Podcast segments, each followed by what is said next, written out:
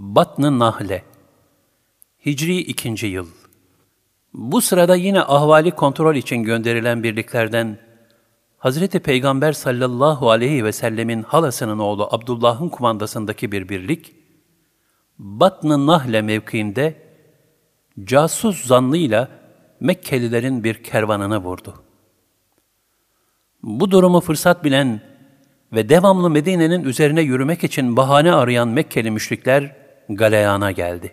Hazreti Peygamber ve Müslümanlar aleyhine yaygara koparan müşrikler, Batn-ı Nahle hadisesinin haram aylardan Recep ayına rastlaması münasebetiyle de, Muhammed haram ayını helal yaparak kan döktü, esir aldı ve mal gasp etti dediler. Aslında bu çarpışmayı Allah Resulü sallallahu aleyhi ve sellem emretmemiş. Hadiseyi sonradan duyduğunda Abdullah'a, ben sana böyle bir şey için izin vermedim buyurmuşlardı. Fakat müşriklerin bu işi iyice büyütüp aleyhte propaganda yapmaları üzerine şu ayeti kerime nazil oldu. Sana haram ayı, yani onda savaşmayı soruyorlar. De ki, o ayda savaşmak büyük günahtır. Fakat insanları Allah yolundan çevirmek, Allah'ı inkar etmek, Mescid-i Haram'ın ziyaretine mani olmak ve halkını oradan çıkarmaksa Allah katında daha büyük günahtır. Fitne de adam öldürmekten daha büyük bir günahtır.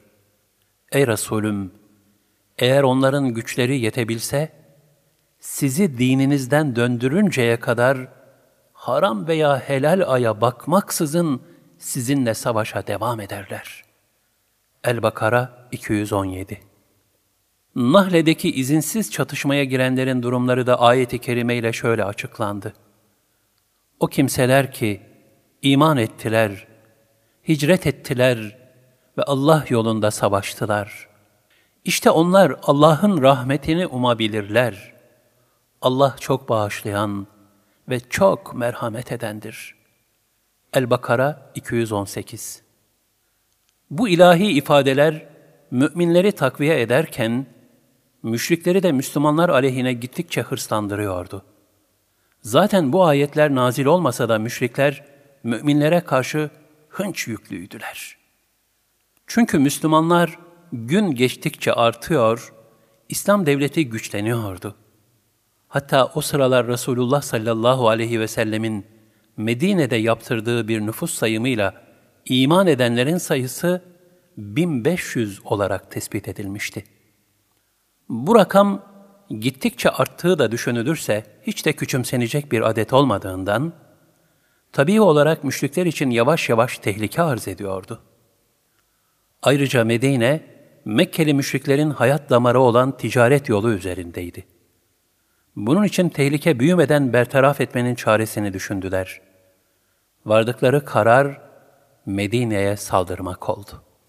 Nihayet Mekkeli müşriklerin Müslümanlar üzerine yapmayı düşündükleri saldırının karar verilmesindeki son hamle Ebu Süfyan'dan geldi. O sırada Şam'dan dönmekte olan kervanın başkanı Ebu Süfyan, Batn-ı Nahle'yi fırsat bilerek, kendi durumlarının da tehlikede olduğu hezeyanıyla, kervanı korumaları için Mekkeli müşriklere kasıtlı olarak haber yolladı. Oysa Resulullah sallallahu aleyhi ve sellemin kervan basmakla alakalı bir emri yoktu. O, sadece yeni kurulan Medine İslam Devleti'nin emniyeti için herhangi bir saldırı ihtimaline karşı gafil bulunmamak tedbiriyle, etrafa keşif ve kontrol birlikleri gönderiyordu.